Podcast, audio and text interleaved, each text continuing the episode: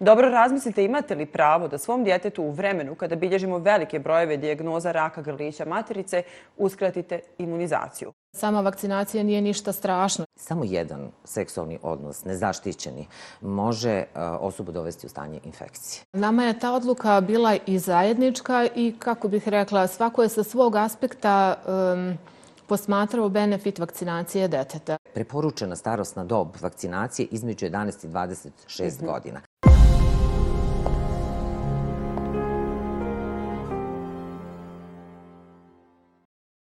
Podaci iz kantona Sarajevo iz januara, a na temu odaziva na vakcinaciju protiv HPV virusa su poražavajući.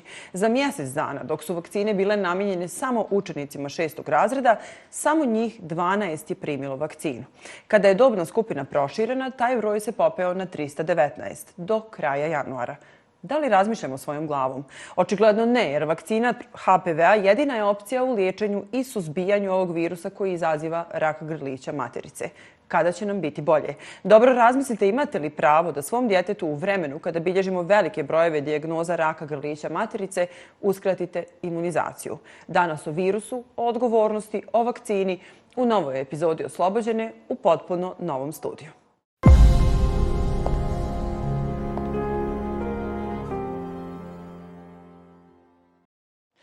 Moja prva gošća reći će nam zašto se ona odlučila da HPV vakcina bude dio odrastanja njene čerke. Sa mnom u studiju Marija Krivokuća. Evo, dobar dan Marija, dobrodošla u novi studio Oslobođene.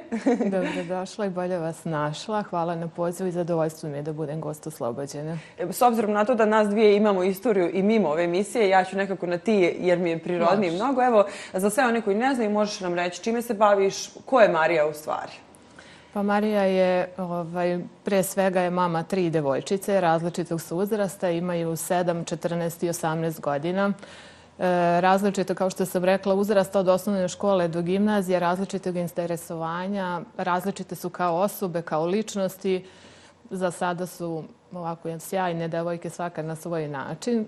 A što se tiče mog e, obrazovanja i zanimanja, ja sam po struci magistar farmacije i radim u kliničkoj apoteci Univerzitetskog kliničkog centra Republike Srpske u Banja Luci već dugo godina radim i zaista kroz taj svoj posao susretala sam se sa različitim problemima vezano za terapiju pacijenata, a drago mi je što je primjena HPV vakcine u stvari tema današnje emisije. Pa evo, upravo bio je povod e, i činjenica da si ti svoju čerku odvela u Beograd, u Srbiju, da primi HPV vakcinu. Kako je došlo do toga, kako si došla do informacije da ima tamo, a u tom trenutku je nije bilo kod nas? Da. Pa pre par godina ne znam tačno, pre jedno pet godina, kako je edukacija sastavni deo svakog posla, pa i ovog našeg, e, čitala sam neke studije koje su pokazale povoljne efekte dugogodišnjeg, nakon deset godina, recimo primjene vakcine u nekim zemljama kao što su Australija i Velika Britanija. I onda sam počela da razmišljam prvo na ovim našim balkanskim prostorima gde je dostupna i gde bi ja svoje dete mogla da odvedem da primi tu vakcinu.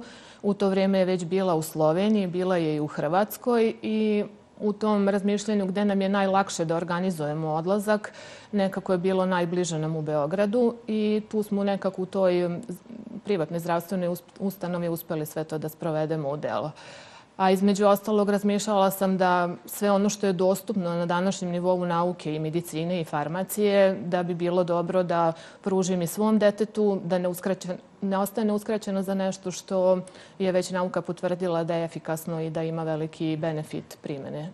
E, kako je to izgledalo tamo? Da li ona morala da se priprema nešto posebno? Je li imala neke nuspojave i tome slično? E, nikakvih posebnih priprema pred odlazak na vakcinaciju nije bilo ni tada ni sada. E, jedino što je obavezno je pregled lekara, doktora medicine, u našem slučaju to je bio pedijatar, koji, e, to je uobičajen pregled gde se utvrđuje da li je dete zdravo i da li ima nekih relativnih ili apsolutnih kontraindikacija za primjenu vakcine. To je pregled koji kratko traje, koji nije za dete stresan. Mm, u tom razgovoru sa lekarom dolazi se do nekih osnovnih informacija o detetu i njegovom zdravstvenom stanju i ubrzo nakon pregleda bude i vakcina nakon vakcinacije dobije se nalazi mišljenja lekara koji smo mi onda doneli ovdje da se stavi u karton deteta njegov vakcinalni, da ostane trag da je dete primilo tu vakcinu. Ništa nije komplikovano, nije naporno. E, što se tiče tih neželjenih dejstava same vakcine, ona inače, kako i sam proizvođač i kako su studije i postmarketinško ovaj, praćenje pokazalo, e, najčešće neželjena dejstva su blaga i odnose se samo na mesto primene mhm. iniciranja vakcine u smislu nekog crvenila, e, blagog otoka i eventualno se može javiti i glavobolja. U suštini sva neželjena dejstva treba prijaviti zdravstvenom radniku, ali su ona zanemarljiva u odnosu na ono kolika je korist od same primjene vakcine. A koliko je ona imala godina tad? Ona je tada već imala 14 e, godina kada je primila prvu dozu i tada tamo je nije bila dostupna devetovalentna vakcina, nego mhm. četvorovalentna, ali dobro, ovaj, to što se nudilo u tom trenutku i što je moglo da se detetu ovaj, pruži je to, a naravno sve ostalo u životu podrazumava i dalje preventivne preglede, screening preglede kod ginekologa kako budu rasle, zatim e, zaštita od seksualno prenosivih bolesti i to je, da kažem, jedna dobitna kombinacija za očuvanje zdravlja jedne žene i devojke. E, kako je izgledao vaš razgovor e, između tebe i čerke o toj vakcini? Kako je uopšte, e, možda će to roditelje u stvari najviše zanimati, kako predstaviti značaj toga nakon što roditelj obradi tu informaciju i nekome koji recimo u teškom periodu, jer to je predpubertet, ni ona ne zna šta je čekao, kakav sad virus mama kad ja, otkud ti znaš da ću ja dobiti taj virus i tako dalje? Pa sa decom treba razgovarati otvoreno i treba im taj nivo informacija e, spustiti na nivo da njima bude razumljiv, da ne previše nekih naučnih informacija, ali u suštini je važno to poverenje koje postoji između roditelja i deteta, da dete shvati da to što mu roditelj prenosi kao neku potrebu i kao mogućnost koja se otvorila, koja postoji, da treba da prihvati to i da je to sve u cilju dobrobiti jednog dana da se preveniraju neke bolesti i treba im objasniti koje su to bolesti, da te bolesti nisu redke, da je taj virus izuzetno zastupljen u populaciji, da na sreću kod velikog broja i žena i muškaraca on, kako bih rekla, E, prođe e, asimptomatski ili ne ostavlja neke trajne posljedice, ali negde u 10% populacije taj virus e, je persistentan i onda izaziva od prekanceroznih lezija do karcinoma grlića materice, do karcinoma penisa, genitalnih bradavica i da su to neka ozbiljna stanja čije lečenje nije lako, da lekovi koji se koriste u lečenju takvih bolesti imaju mnogo neželjenih dejstava, a u suštini možda i najteže eh, eh, gledati roditelja kako mu je dete bolesno i samo dete naravno u toj priči, tako da sve činjenice koje se iznesu detetu eh, mora da se prilagode znači njegovom uzrastu i znači da cilj bude očuvanje njegovog zdravlja u budućnosti. E, nekako mi se čini, toliko se lijepo to sve rekla, da uh, imam osjećaj da bi u stvari i cijeli zdravstveni sistem bi trebalo prema svima nama da se obraća kao prema djetetu, da bismo to bolje razumijeli. pa da, naravno da je edukacija roditelja prvo um, možda suština ovog cijele promocije nove vakcine koje je na našem tržištu. I roditelji imaju naravno pravo da postave sva pitanja koja su E, E, vezana za vakcinaciju. E, poznato je da se roditelji generalno sve što je novo, da izaziva i otpor, da izaziva neki strah u njima. E, na internetu se danas može naći veliki broj informacija. Čini mi se mnogo više onih informacija koje su koje nisu naučno potvrđene, koje su možda loše interpretirane. Svako ima pravo da iznese svoje mišljenje i mnogo je lakše doći do tih informacija E, informacija koje nisu tačne, koje nisu pouzdane, jer da bi se došlo do nekih informacija koje su stvarno naučno zasnovane, potrebno je nekog preznanja i potrebno je to kritičko mišljenje da se može procijeniti koja je težina te informacije koju roditelj pročita ili čuje. I u svakom slučaju bih e, preporučila uvek roditelju da ima poverenje u lekara, da li pedijatra, da li doktora medicine, ginekologa, E, farmaceuta kao zdravstvenog radnika i da sve svoje nedoumice koje imaju ne traže po internetu, nego da se njima lično obrate, jer lekar ima kompletan uvid u zdravstveno stanje deteta i sve, mislim, e, sve što je vezano za zdravlje deteta, pa i tu vakcinu mora na jedan onako fini način da, da objasni i da prenese. Nekome je dovoljno reći par stručnih informacija, a nekim roditeljima to treba malo prilagoditi na neki drugi način da im bude razumljivo. A zar ne misliš da to traži vrijeme koje danas, evo, kreneš od sebe pa do svojih kolega i koleginica, vrijeme koje vi danas nemate, s obzirom na to da je sistem preopterećen i u Republici Srpskoj i u Federaciji, nilazimo na iste slučajeve, zbog toga nekako i cvjeta ta privatna praksa. Kako e, da uključimo medije u sve to, evo, sad i sa aspekta roditelja, ali i sa aspekta medicinskog radnika, odnosno šta bi mogla biti naša uloga u svemu tome? Pa prvo bih počela od svojih kolega i koleginica sa kojima radim da se zaista trudimo da vrijeme vreme koje je potrebno da posvetimo jednom ja kao farmaceut, znači recimo to je neko mm, rješenje u oblasti farmakoterapije, da to vreme ne bude niti skraćeno, niti, kako bi se reklo, onako na brzinu, nego da se zaista posvetimo tako, svakom slučaju pojedinačno. Pretpostavljam da tako i lekari rade u svojim ordinacijama. Naše iskustvo kada sam vodila i stariju, a posle i ovu drugu čerku, ovaj, zaista je to vreme odvojeno za nas. E, lekar ima jedan da kažem, fini pristup detetu, da to ne bude niti zastrašujući taj dolazak, niti da bude nako užurbano pa da dete izazove neku nelagodu ili ne znam, da mu je neprijatno u tom trenutku. E, čak i moja čerka u tom kad smo završili sa vakcinacijom rekla ja bih volila da se moje dete uvek leči u ovoj zdravstvenoj ustanovi i na ovakav način. A što se tiče te edukacije i uključivanja medija, ja bih prvo možda počela, ne znam, kakvi su inače planovi nadležnih institucija, ali na nivou škola i roditelja, da uvek mhm. dođe neki zdravstveni radnik na roditeljski sastanak, na primjer, da održi jedno kratko sažeto predavanje koje bi svi roditelji razumeli, a i kroz medije koliko je moguće provući e, benefite vakcinacije dece na način koji je razumljiv širokoj populaciji. E, evo, moja Lola ima sedam godina i u trenutku kad je trebala da primi MMR, e, to je bio onaj moment kad smo odjednom svi sve znali o vakcinama.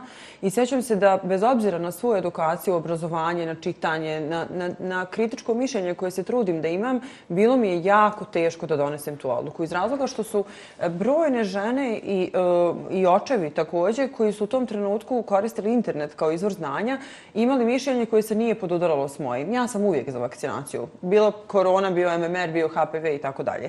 E, kako ste vi prošli kroz taj, e, ti suprug, s obzirom na to da je i on medicinski radnik, e, kako ste prošli kroz tu fazu odlučivanja i da li vam je zbog toga što ste medicinski radnici bilo teže ili lakše da tu odluku donesete? Pa nama je ta odluka bila i zajednička i, kako bih rekla, svako je sa svog aspekta um, posmatrao benefit vakcinacije deteta. Ja sam kroz svu tu literaturu koju sam pročitala, koja je dostupna uh, manje više, ali uglavnom je dostupna danas. Zatim, kroz e, pregled kako su zemlje u okruženju to uradile, kako su uvele, gde je e, obavezna, gde je preporučena vakcinacija, shvatila da je u stvari i pravo vreme uzrasta njenog da se vakciniše.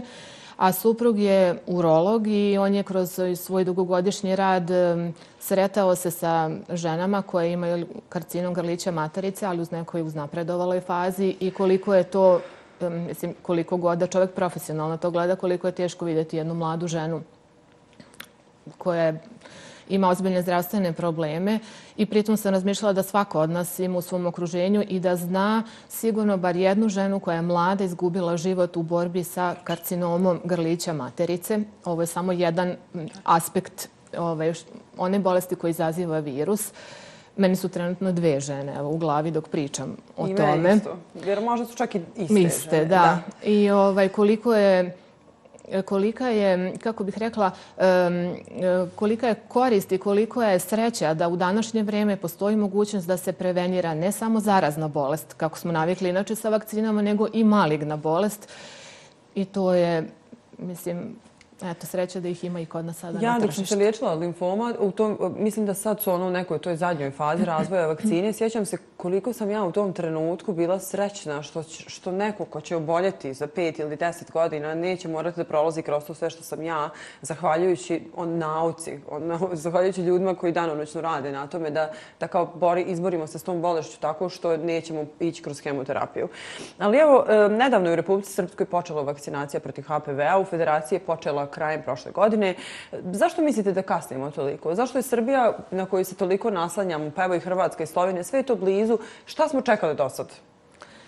Pa, Mislim ovako, ja imam neku informaciju da je ideja da se uvede HPV vakcina bila još pre par godina, međutim naišla je ova pandemija mhm. svima nama poznata koja je usporila sve sfere našeg života pa i to. I evo sad nakon ovaj, što se završila, to se sve realizovalo. Možda je pravo pitanje za nadležne institucije koje donose i zakon i pravilnike u kom stepenu je moglo možda brže biti ili ne ali sreća je znači, da je danas kod nas u Republici Srpskog, ja i u Federaciji, znači to devetovalentna vakcina. To je mhm. ista ona vakcina koju primaju deca širom Evrope, mhm. koja je registrovana u Evropskoj agenciji za lekove, koja ima jedno regulatorno telo kome se može verovati da je vakcina prošla sve faze ispitivanja dok nije došla na tržište, a i onda kad je na tržištu, kada postoji, prati se i dalje sve što je potrebno za samu vakcinu. Takođe, e, na sajtu Instituta za javno zdravstvo Republike Srpske je e, lako uočljiv jedan deo gde se e, dolazi do svih brojeva telefona i e-mail adresa po gradovima e, gde se mogu obratiti zainteresovani roditelji, bar za početak, ovaj, sa svim pitanjima vezanim za vakcinaciju. Tako da, da li kasnimo ili ne kasnimo, ali uglavnom možda sad treba raditi na edukaciji roditelja, i dece i iskoristiti priliku koja se pružila. Važno je da smo počeli. Najvažnije. Marija, da imaš sina, da li bi njega vakcinisala? Bih.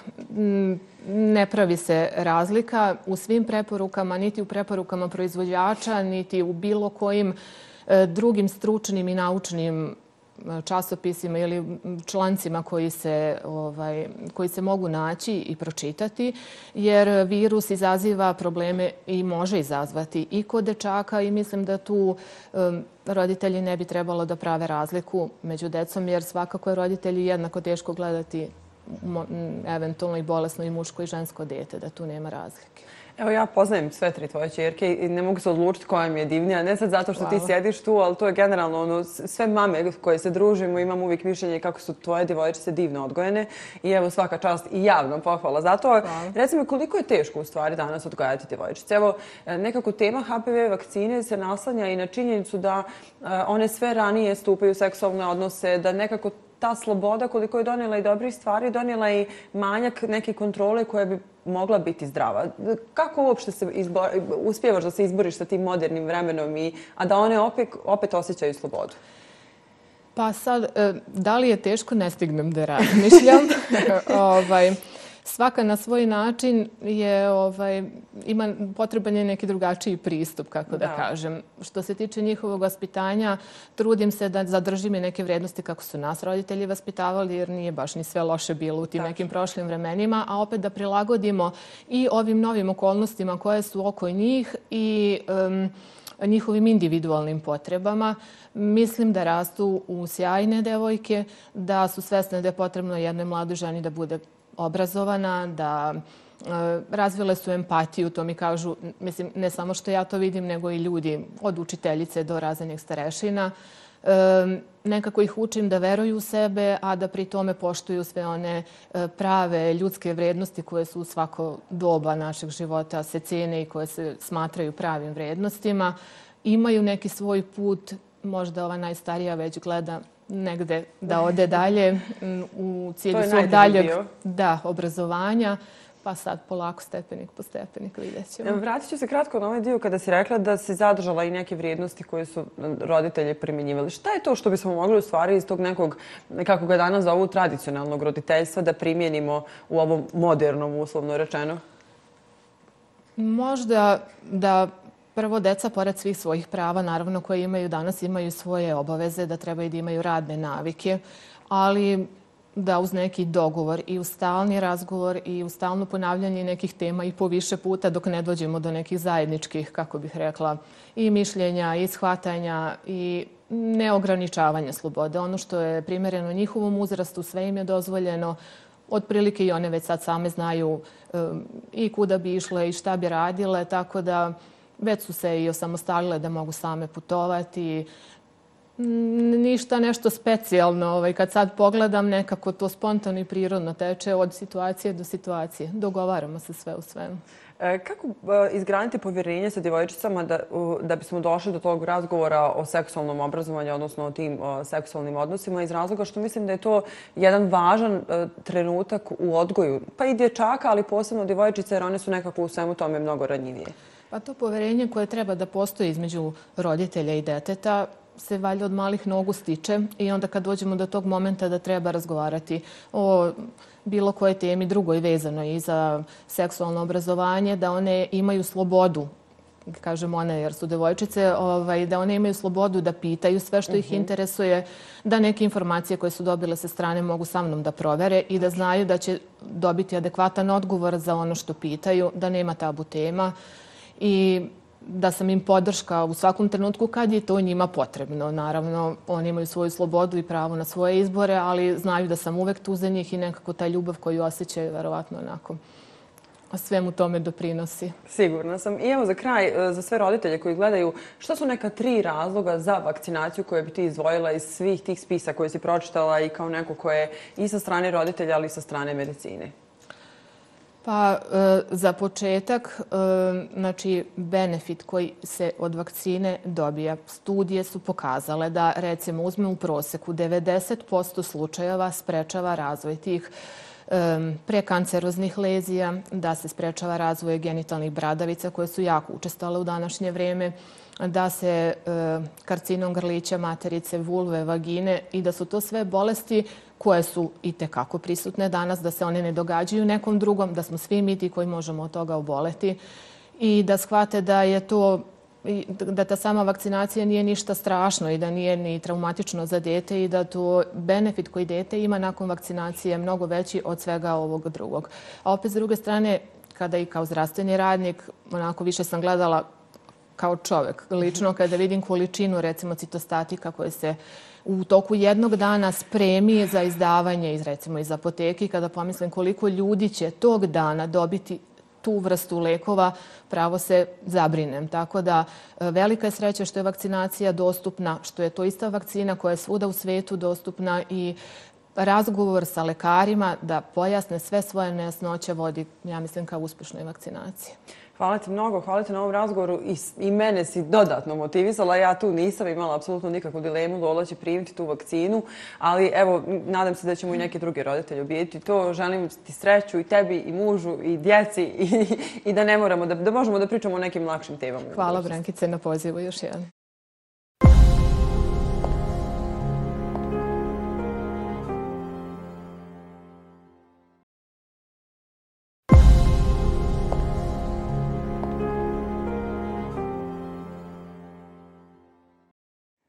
Moja sljedeća gošća, divna je doktorica Ida Zujovića-Janović, ginekolog koji nam dolazi iz Poliklinike Agram. Evo, doktorica Ida, dobar dan i dobrodošli u Oslobođenu. Dobar dan i hvala vam na pozivu. Evo, prije nego što počnemo, da obradimo to temu HPV virusa, šta je u stvari HPV virus i kako se prenosi i te neke osnovne informacije koje uslovno rečeno možemo naći na internetu, ali hajde da ih imamo kao početak ovog razgovora. Hvala vam na tome. Možemo naći na internetu i slažem se s vama. E, na internetu imamo puno važnih informacija koje možemo upotrebiti. Međutim, kada je u pitanju zdravlje, a posebno ovaj segment ginekološkog zdravlja, a posebno HPV koje je sad u žiži, Eh, interesa eh, čitave javnosti zbog eh, vakcinacije naše najmlađe populacije. Znači, vrlo lijepo razložiti tu priču na, na osnovne pojmove. Dakle, HPV virus, dugo poznat e, naučnik e, e, Harold Suhausen je dobio Nobelovu nagradu zbog otkrića ovog virusa i koga je zapravo doveo u vezu sa nastankom karcinoma grlića. Je nešto s čim mi na svakodnevnoj osnovi E, e, imamo puno problema jer se susrećemo u nalazima naših pacijenata. Vrlo je važno pojasniti, znači da ova vrsta virusa koja spada u kategoriju papiloma virusa, da ne zamaram mhm. gledateljstvo jer mislim da to u konačnici nije e, ni bitno. Bitno je da je ova vrsta virusa varijanta koja se prenosi malten isključivo seksualnim putem. Mm -hmm. Mislim, 99,9%. E, tehnički postoji neka varijanta e, e ekstragenitalnog prenošenja, međutim, međutim e, računajmo na to da čak i jedan samo jedan seksualni odnos, nezaštićeni, može e, osobu dovesti u stanje infekcije. Dobro. Kako da, čime se ustanovljava, koju vrstu pregleda morate da obavite da biste znali da li imate HPV i kada HPV ulazi u tu sferu e, zabrinjavajućeg momenta? Onog momenta kada imate HPV i kad se on potvrdi, on je već zabrinjavajući. Uh -huh. e, šta je poenta? Znači, nema nekakvih simptoma u, u tom nekakvom, hajmo reći, primarnom kontaktu. Čak se e, smatra da kod e, mladih, znači, a to su osobe do 30 godina, e, možda čak, to su nekakve studije zapadnih medicinskih škola, ne treba raditi HPV tipizacije, odnosno te vrste analiza kojim se dokazuje prisutstvo virusa HPV, jer se smatra da su organizmi mladih, znači takvi da će se svojim prirodnim imunitetom e, izboriti da e, e, dođe do jedne, da tako kažem, do jednog spontanog izlječenja. Nas brinu persistentne infekcije. Znači, persistentne infekcije su infekcije koje ostaju u organizmu. To je ono, od 10, 9 se može izliječiti, ali taj jedan, odnosno jedna, može imati zaista puno komplikacija vezano za svoje zdravlje. Dakle, najosnovnija varijanta kako otkriti ovaj virus jesu redovni preventivni pregledi. Znači, ti pregledi podrazumevaju pre svega onaj standardni, bazični papa test koji je dostupan i koji se može uraditi u svakoj ginekološkoj ordinaciji. Mi na nalazu papa testa dobijemo osim jednog bakteriološkog, dobijemo citološki, što je osnovno, citološki nalaz, kojim se objašnjava da li postoje neka odstupanja od urednog citološkog nalaza ili postoje određene promjene e, koje se zovu displazije ili, neke malo, ili neka malo teža stanja. Ali u, u tom segmentu papa cesta postoji jedan dio koji kaže, e, ukoliko je naravno ukoliko je postavljena sumnja na prisustvo mhm. virusa HPV, jer se to standardnim citološkim pregledom, znači papa e, posmatranjem pod mikroskopom e, tog razmaza, e, odnosno papa brisem, ne može dokazati prisustvo HPV-a. Mhm. Mogu se dokazati promjene koje ukazuju na moguće prisustvo virusa HPV.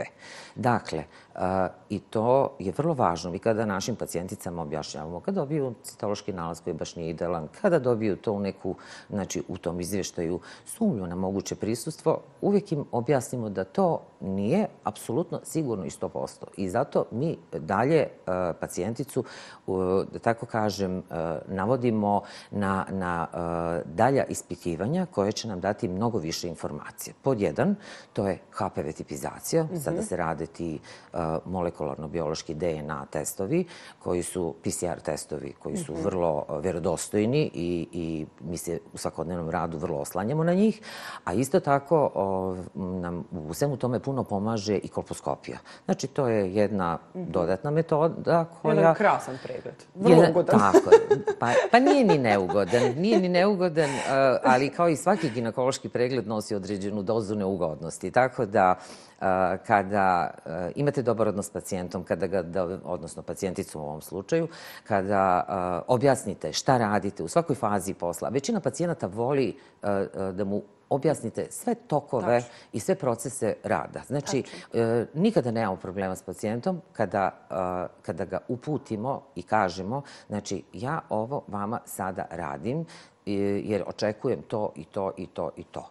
I usputi možete pričati, možete im ko ima monitor pokazivati, mm -hmm. većina njih čak ni ne želi da vidi kako to izgleda na monitoru, ali objasnite im korak po korak i onda nema straha. Objašnjenja se, da tako kažem, iskoriste i nalaz HPV tipizacije koji se uvijek malo čeka, uvijek kada mm -hmm. radimo tu analizu, ide prvo HPV tipizacija, taj nalaz se mora malo sačekati jer za te PCR testove, znači ne možete odmah dobiti, treba par dana a nalaz kolposkopije, odnosno izvještaj ono što vi vidite, što pretočite u tekst ili upišete u određene kolone, vi s pacijentom sjednete, objasnite, date osnovne instrukcije i tek kad dobijemo nalaz HPV tipizacije, znači, onda imamo jednu, jednu kompletnu sliku koja nam olakšava taj jedan individualni pristup svakom pacijentu. Idemo dalje. Šta dobijate vi nalazom HPV tipizacije? Sad ja sam dobila sumnju, uradila sam tipizaciju i dolazi kod moje doktorice taj nalaz. Dakle, uh, izvještaj HPV tipizacije se najčešće odnosi na nekakvih 14 naj uh, rasprostranjenijih visokorizičnih HPV sojeva. Znači, odnosi se ponekada u određenom segmentu kako ko radi i na niskorizične sojeve. Znači, nama su jednako da. ne mogu reći jednako, visokorizični su, da tako kažem, opasniji po, po, po zdravlje, ali i niskorizični nose određene rizike, znači vezano za pojavu kondiloma, koji također mhm. stvaraju određenu problematiku i, i, i ta podloga organizma i, i regije koja je često napadnuta kondilomima je idealno mjesto za, za sekundarnu infekciju, za karcinome, vulve i tako dalje. Znači, ako je pacijentica pozitivna na neki od virusa, onda naravno ono je izdvojeno, mi dobijemo izvještaj i onda se dogodi da je pacijentica pozitivna na 1, 2, 3, 7 i tako dalje, ili je negativna na, na HPV virus, e, što u svakom slučaju, e, bez obzira ako vi imate u, na, u citološkom nalazu displaziju, a ona je HPV negativna, to je već jedna olakšavajuća mhm, okolnost mm -hmm. za tu mhm. pacijenticu. Ali to ne znači da je ona apsolutno mirna i zaštićena, jer ponekad određene lokalne infekcije mogu otežati, da tako kažem, interpretaciju HPV, čak i tih PCR metoda. Mi zato uvijek preporučimo pacijenticama kada dolaze na, na, na HPV tipizaciju da prije toga uzmu neko lokalno sredstvo, da se ta mhm. neka lokalna upala sanira i da tek nakon toga, i, mhm. da tek nakon toga pristupe e, testiranju i kolposkopiji.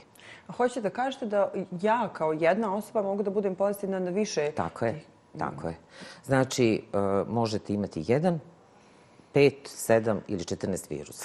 Evo, smatram da je važno, s obzirom na to da sjedite preko puta mene i vrlo sam ponosna što ste gošće ove emisije, s obzirom na vašu biografiju, da je nekako važno da i ljudima kažem da je vaše iskustvo vrlo bogato, da ste e, radili, ordinirali, učili i obučavali se u raznim zemljama, ne samo regije, nego i Evrope, i da imate već 12 godina iskustva u poliklinici Agram. Sve to nas dovodi do mog sljedećeg pitanja je koliko se često e, suočavate sa slučajevima zaraze i u koliko procenata od prilike ona dovede do raka grlića? Grlića matrice? Dakle, e, vrlo su česta vrlo su česta e, stanja infekcije e, virusom humanog papiloma. Procentualno ne mogu vam tačno dati e, postotak, ne mogu vam tačno dati adekvatan odgovor na ovo pitanje, ali evo, mislim, e, prije nego što sam došla u vašu emisiju, odvojila sam od posljednjih nalaza papa testa sigurno jedno 15 e, gdje su žene koje bi trebala pozvati na razgovor da im objasnim nalaz i koje se moraju dalje, da tako kažem, staviti u program detekcije tih komplementarnih metoda koje mi preporučujemo, čisto da, da povežemo e, čitav taj njen zdravstveni status i da pojasnimo stanje. Dakle, mi, e, mi smo svi e, u životu nekada došli u kontakt sa virusom HPV-a. E sad, imunitet, to je ono što se odnosi na, na mlađe osobe. Dalje, način života, način ishrane, konzumacija cigareta i tako dalje. Znači, postoji i taj takozvani životni stil koji mhm. može na neki način uticati i, i, i, i na e, progresiju stanja, na, čak na pojavu bolesti. Neće naravno to izazvati bolest, ali upravo urušavanjem imuniteta će olakšati virusu da se ugodno smesti i da onda dalje radi ono što treba. Ja se sjećam e, tih nekih mojih e, prvih edukacija, pa to je ta neka Evropska asocijacija kolposkopista e, i bilo mi vrlo interesantno da, moram priznati, nismo mi baš, davno je to bilo, ali nismo mi u tom trenutku tada toliko vodili računa o tim stvarima, ali evo recimo pušenje. Mm baš sam to htjela da vas pitam. Jer često baš na tom internetu čujete ono ma kao joj znam ja čovjeka, on puši, u pluća su mu potpuno čista, kakve to veze ima, to je samo ono kao priča i evo čitate mi misli. Znate, ta prva edukacija i onda imate taj nekakav case report, jedan pa drugi pa treći. I uvijek je ovako osoba, jel, pa inicijala tih i tih, toliko i toliko godina, toliko puta trudna ili toliko i toliko puta porođena, pušač nepušač, pušač, nepušač. E, dokazano je, dokazano je da pušenje e, e, ima loš uticaj na razvoj infekcije, na persistenciju infekcije, ne zbog nikotina, nego zbog katrana iz cigareta. Mhm. Tako da uvijek preporučim mladim ženama kada mi dođu suspektni nalazi da makar pokuša ono što može da uradi je da pokuša da prestane uh, sa konzumacijom cigareta. Znači, govorimo o ovim standardnim cigaretama. Moram priznati, nisam upućena u ove nove. One se još uvijek ne spominju. Ali nisam sigurna i da su one bezazlene u čitavoj priči. Tako da je u stanjima kada je vaše zdravlje narušeno, najjednostavnije je rešiti se onoga i onoga što, što, za što je dokazano da, da vam škodi. Znači, pušenje, a, slatkiši, kao i kod svih stanja, zna, nažalost, sla, slažem, slažem se s vama, ali je zaista tako.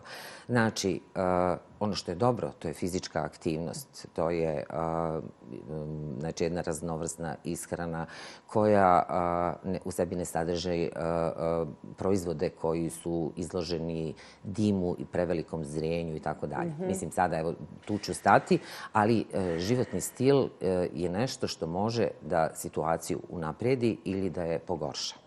E, spomenuli ste ove nalaze koje ste gledali i da li otprilike u glavi imate neku udobnu skupinu koja je možda najviše izložena tom riziku od oboljevanja, ne samo od raka grlića materice, nego i od HPV-a? E, da vam kažem, kako e, je ta neka pred, e, pred pubertetska grupacija obuhvaćena ovom vakcinom, mislim da je to nekakav zaista e, uzrast koji je vrlo važno mm -hmm. zaokružiti čitavom ovom pričom. Zašto? Zato što već u periodu e, ranog tineđerstva počinje interesovanje i, i, i nekakvo eksperimentisanje i spolni odnosi i, i sve i, i naravno nezaštićeni. Imaju oni neke informacije. Znači, šta je važno? Važno je tu djecu E, informisati. Znači, uputiti na koji način da se zaštite od ne samo HPV-a kao jel, STD ili, ili spolno prenosive bolesti, nego i od svih ostalih spolno prenosivih bolesti koje također mogu da utiču na zdravlje. E, važno je objasniti da e, jedan nezaštićen odnos može da znači HPV infekciju. To ne znači da je jedan soj prisutan. To mogu biti prisutni sojevi. Jer kad, e, kao što smo malo pre spominjali, jel, do određenog broja koji je na čitavoj listi. E, vrlo je važno objasniti da kada vi stupate u seksualni kontakt sa osobom, vi stupate u seksualni kontakt sa svim prethodnim partnerima, partnerkama. A, mislim, ne možete uticati ni na monogamne odnose, ali treba pričati o tome e, šta i kakvi su rizici e, kao posljedica takvog ponašanja. Znači, zaštititi se može, ali donekle. Znači, jer i kondomi nisu apsolutna zaštita. Mm -hmm. Nezaštićeni dio kože apsolutno nije, jel, on je vrlo podložan. Uh, upravo dejstvo ovih uh, niskorizičnih koji mm -hmm. se, mhm. to su obično tipovi 6 i 11, to su najčešći prema našim statistikama. I oni se uh, ovaj, vrlo jednostavno prenose, a mi kao ustanova u kojoj se rade procedure uklanjanja kondiloma znamo koji je to broj. Upravo te neke mlađe starosne dobi, znači tih osoba nekih 20 godina do 25. Imate situacije i osoba ispod 18 godina sa određenim promjenama uzrokovanim virusima HPV, ali u principu to, je, to, to su sve seksualno aktivne žene žene, govorimo o ženama, naravno da ima i muškarac, ali to je kategorija pacijenata koje se, kojim se ja bavim. A, e, a šta ćemo s muškarcima? Odnosno, šta, kako se kod njih ustanovljava prisustvo HPV virusa?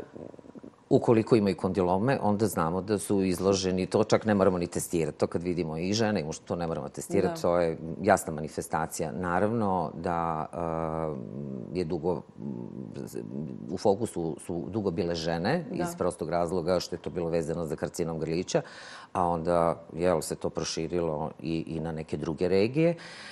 Međutim, muškarci su aktivni sudionici jedne takve infekcije. Prema tome, e, s obzirom na mogućnost pojave i karcinoma penisa, e, mislim e, da sve veći broj njih odlazi urologu, jer se i oni mogu testirati na isti način, još ako imaju određene probleme, naravno da oni spadaju u domen e, urologije i dermatovenerologije. Znači, na prvi, posle prvog dejta, jedno kod ginekologa, jedno kod urologa. e, ne može posle prvog dejta, zato što te infekcije mogu biti dugo, dugo uh, uh, neprepoznatljive, mm -hmm. nemanifestne i tako dalje. Jer mi imamo situacije da žena nema, recimo, da je u situaciji da, da spolno ne opšti već dugi niz godina, a da je nalaz papa testa odjednom nije dobar. Znači, te infekcije mogu biti latentne, pritajene i mogu trajati i mogu biti kao takve dugi niz godina. I onda kako to možemo drugačije dovesti nego u, u neku vezu sa, sa recimo, padom imuniteta koji može biti uzrokovan različitim situacijama. To može biti neka bolest kao kidač, pa recimo posle korona je bilo puno toga može biti najobičniji virus gripe, može biti stres, može biti mm. gubitak člana porodice, to je najstrašniji stres. Znači, to su sve situacije koje mogu dovesti do obaranja imuniteta i samim tim jednog olakšanog ulaska uh, ovog virusa u organizam koji nam posle napravi veliki problem. Evo, spomenuli smo rak grlića materice, spomenuli smo kondilome. Što još mogu biti posljedice prisustva HPV virusa od nekog od tih visokorizičnih u organizmu?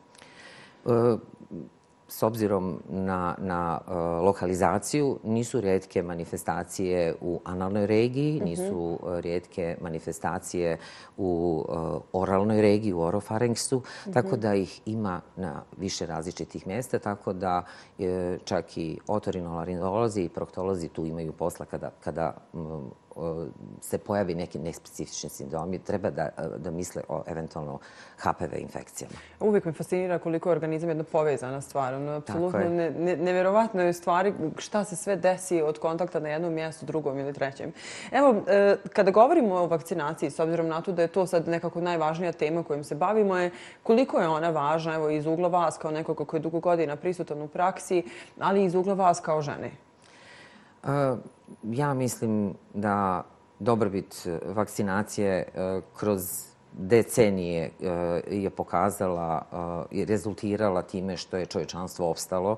jer smo svjedoci jel, različitih pandemija, epidemija i tako dalje.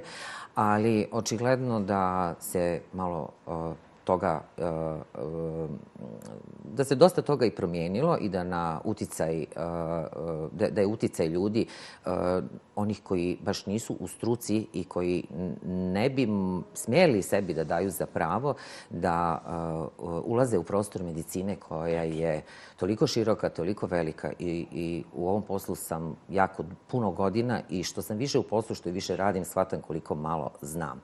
Mislim, mislim da su vakcine neizostavni Eh, dio naše svakodnevnice. Eh, ja sam isto majka jedne odrasle devojke, ona već studentica medicine i prošli smo eh, naravno sve vakcine. Ja sam vakcinisana, ne, odbi, ne pokazujem nikakvu sumnju u, u dobrobit vakcinacije. I kada je krenula priča s vakcinacijom, puno ljudi i puno mojih prijateljica me prozivalo i pitalo šta ti misliš, kak, kakva je situacija sa ovim vakcinama, da li da ja to dam, jer je bilo dosta različitih uzrasta, mm -hmm. ali između ostalog bilo upravo one uh, dobne skupine od 11 godina mm -hmm. koja je tada bila obuhvaćeno u onom prvom talasu kako je krenulo. I meni je drago da su me sve poslušale. Bravo I, za njih. E, je, tako je, tako je. I uh, ja mislim uh, da niko od roditelja, jer djeca od 11 godina uh, mogu imati svoje mišljenje što se tiče nečeg drugog. Ali što odjeće, se tiče, da, slažem se, muzike, odjeće i tako dalje. Međutim, kada se tiče zdravlja, roditelji preuzimaju jednu veliku odgovornost time što ne odvedu svoje dijete na imunizaciju, jer na taj način djetetu uskraćuju ovu vrstu prevencije. E, HPV ne samo da stvara displazije koje zahtevaju pa češće kontrole nego što je uobičajeno, pa sve da ostane na nivou nekakvih nespecificiranih promjena, to su oni nalazi askus, pa eto možemo i cin jedan kao neku blažu displaziju uzeti. Ali svaki put te žene dođu, jel tako, sa zebnjom oko srca kad dođe i uradi čeka nalaz papa testa, da li će ostati na istom, da li će biti bolje ili će otići malo u neki jel, teži stepen ovaj, displazije.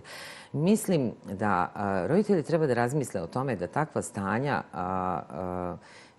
mogu imati dalekosežne posljedice. U naj nekakvim jednostavnijim uh, varijantama, to mogu biti stanja koje se tiču, kada već nekome dosadi, kaže ne mogu ja ovo cin 1, cin 2, ja ću ipak uraditi konizaciju, pa makar to bile one poštedne konizacije tipa lec konizacije, laserskih konizacija i tako dalje. Ipak se podvrgava jednom tako je. minimalno invazivnom postupku. Uh, opet se taj grlić, još ako se radi klasična konizacija kod većih displazija, znači te se grlić skraćuje za, za, jedan, određ, za jednu određenu dužinu. Znači, skraćenjem dužine grlića dovodi se u pitanje i, i fertilnosti u smislu održavanja da, trudnoće. Znači, takva će osoba imati uvijek jednu trudnoću visokog rizika. Jer čim je skraćeni grlić, onda je on podložniji otvaranju, pa su onda mogući pobačaji, pa su mogući prijevremeni porodi. A ja mislim da to niko ne bi poželio svom djetetu. Znači, govorim o tim stvarima. Da ne govorim o procedurama uh, kojima se žena mora podvrći, za, podvrgnuti u zavisnosti od toga da li je ta displazija težeg stupnja, da li je to, recimo, već CIN 2, CIN 3 ili a taj CIN 3 ili displazija najtežeg stupnja je jedan korak do karcinoma in situ. Sve to je izlječivo. Ali kako god da je izlječivo, vi imate uh, u podsvijesti da ste vi imali karcinom. I nikad niste sigurni da li će to negdje otići u, u, u neku dubinu ili će otići u neku širinu. A svi mi imamo svoje životne planove, svi imamo porodice, svi, jel tako, kada su sva proslave, sva e, veselja, svi želimo jedni drugima dobro zdravlje. Znači, e, mi svima želimo dobro zdravlje, a ovakvim postupkom e, umanjujemo tu mogućnost najdražem članu ili najdražim članovima svoje porodice. Pa znači, mislim da roditelji treba da razmisle, ovi koji su u prilici, treba da uzmu svoju djecu za ruke, naravno da prije toga popričaju s njima, objasne im zašto će to uraditi, da to ne znači nikakav poticaj na promiskuitet. Znači, nije nikakav EPP, sad ste vi zaštićeni. Vi jeste zaštićeni ali određenim e, zaštićeni određenim sojevima, određenim antitijelima kod četvore valentne koja je dostupna bila mm -hmm. u kantonu Sarajevo, znači to su neka četiri soja. U de, kod devetovalentne to je nekih devet sojeva, međutim ima još puno drugih sojeva, mm -hmm. tako da ova vakcina vam daje jedan osnovni, da tako kažem, odbrambeni štit, ali to ne znači da se prestaje sa redovnim kontrolama, to ne znači da se prestaje sa screeningom. Znači, to se samo nastavlja dalje jedna kontrola, a vakcinacijom ste pokazali da ste osvješteni, uh, uh, pa čak i ta djeca koje su pristale na tu vakcinu, uh, da ne govorimo o roditeljima. I ono što je najbitnije u čitavoj priči je a, dobiti priliku da se vakcinišete. A sada je, je imamo. Mi kad nemamo vakcine, mi smo tužni očeni što ih nemamo. Tako Kada je. ih dobijemo, onda a, odustajemo od vakcinacije.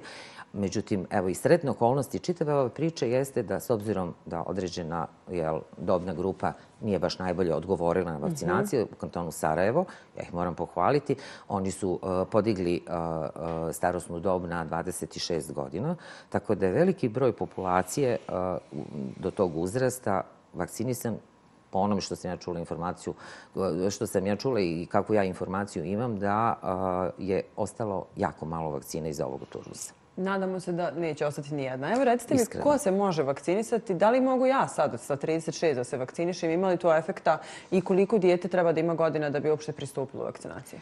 Pa ovako, uh, na našim prostorima i u regiji otprilike to je 11 godina dijete.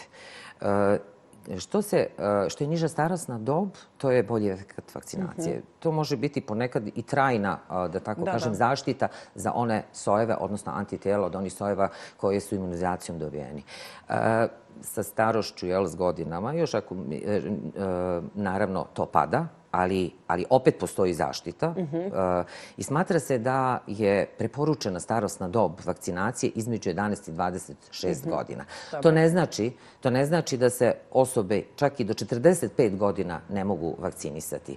Ali uh, uh, s obzirom da u trenutku kada se osobe koje su spolno aktivne uh, vakcinišu, mi ne znamo da li oni imaju neku to aktivnu, aktivnu ili uh, persistentnu, da imate persistentno, vjerojatno bi bilo u nalazu papa testa. U svakom slučaju e, ne može se ništa loše dogoditi, ali e, da bi se, da bi se pristupilo vakcini, e, savjet je uvijek se prvo konsultujte sa svojim ordinirajućim ginekologom da biste shvatili šta je benefit te priče i da li ga ima. Evo i za kraj, doktorice, budući da smo svedoci ovog ubrzanog života i, i činjenice da mladi sve ranije nekako stupaju u seksualne odnose, šta bi bila vaša poruka i roditeljima o tom razgovoru, ali i mladima na temu zaštite i kada je pravo vrijeme za prvi pregled djevojčice kod ginekologa?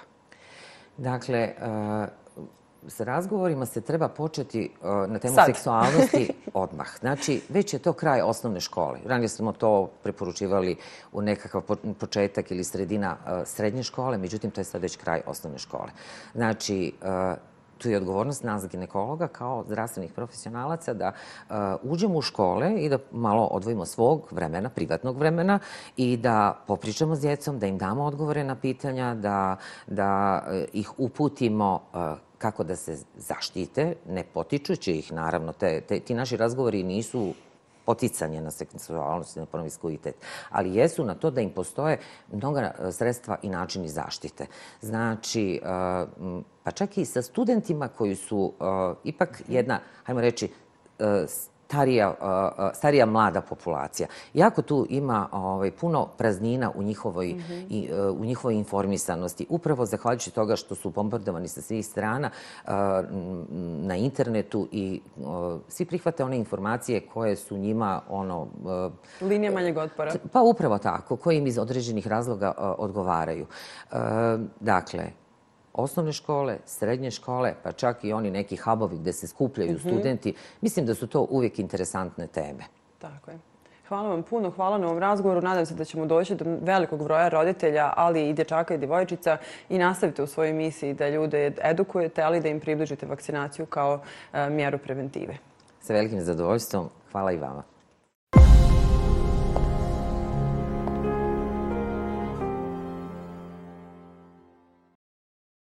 Nadamo se da ćete nakon pogledane emisije uraditi dvije stvari. Prva je zakazati svoj redovni ginekološki pregled ili ako imate neku sumnju, pregled van tog redovnog. A druga je informisati se u svom mjestu kada i gdje možete da odvedete svoju čerku, sebe ili da nagovorite nekoga ko je vaš prijatelj ili prijateljica da prime HPV vakcinu. HPV virus donosi mnogo problema. Nemojte da se morate suočavati s njim.